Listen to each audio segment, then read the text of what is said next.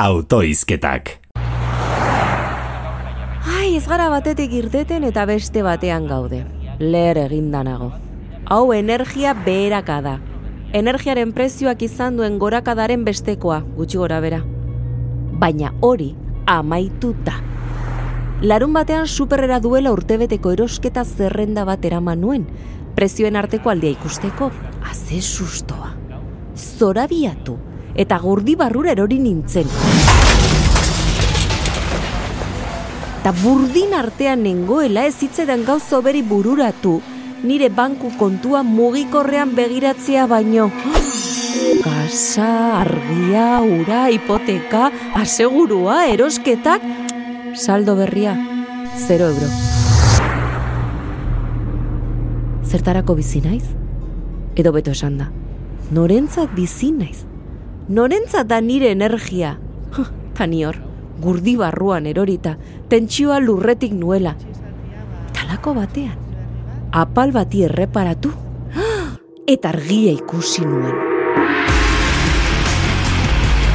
Power Life! Zure energiaren kontrola berreskuratzen lagunduko dizun edari energetikoa! Power Life! Nik argi daukat. Edo bakoitza gure energia zarduratzen gara edo itzali egiten gara. Ez justiziarik, ez errukirik, ez empatiarik, ez elkartasunik, ez errez. Ai, argi geratu zitzaidan aspaldi ez da orengo kontua. Energia enpresei berdin diela gu itzaltzen bagara. Politikariei, antzera, badirudi gehiago axola zaiela enpresa horien indarra, botoa ematen dieten indarra baino.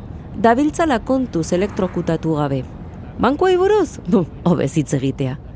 Eta gutaz, zer esango dugu? Ba, gizarte modura, arbitroak gure futbol taldearen kontra txistu egiten duenean, biltzen dugula potentziarik handiena. Beraz, gurdian botatan engoela, itziar, esan nuen irekiko, bakarrik zaude, baby.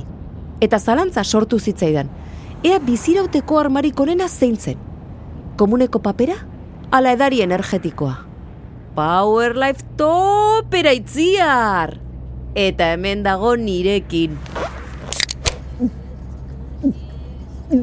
De dio! Mundua neure menpe! Ostra, erreserba nago. Haze zartakoa gasolindegian. Eta Power Life sartuko banio?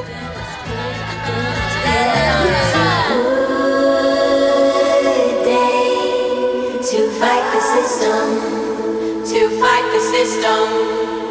It's a good.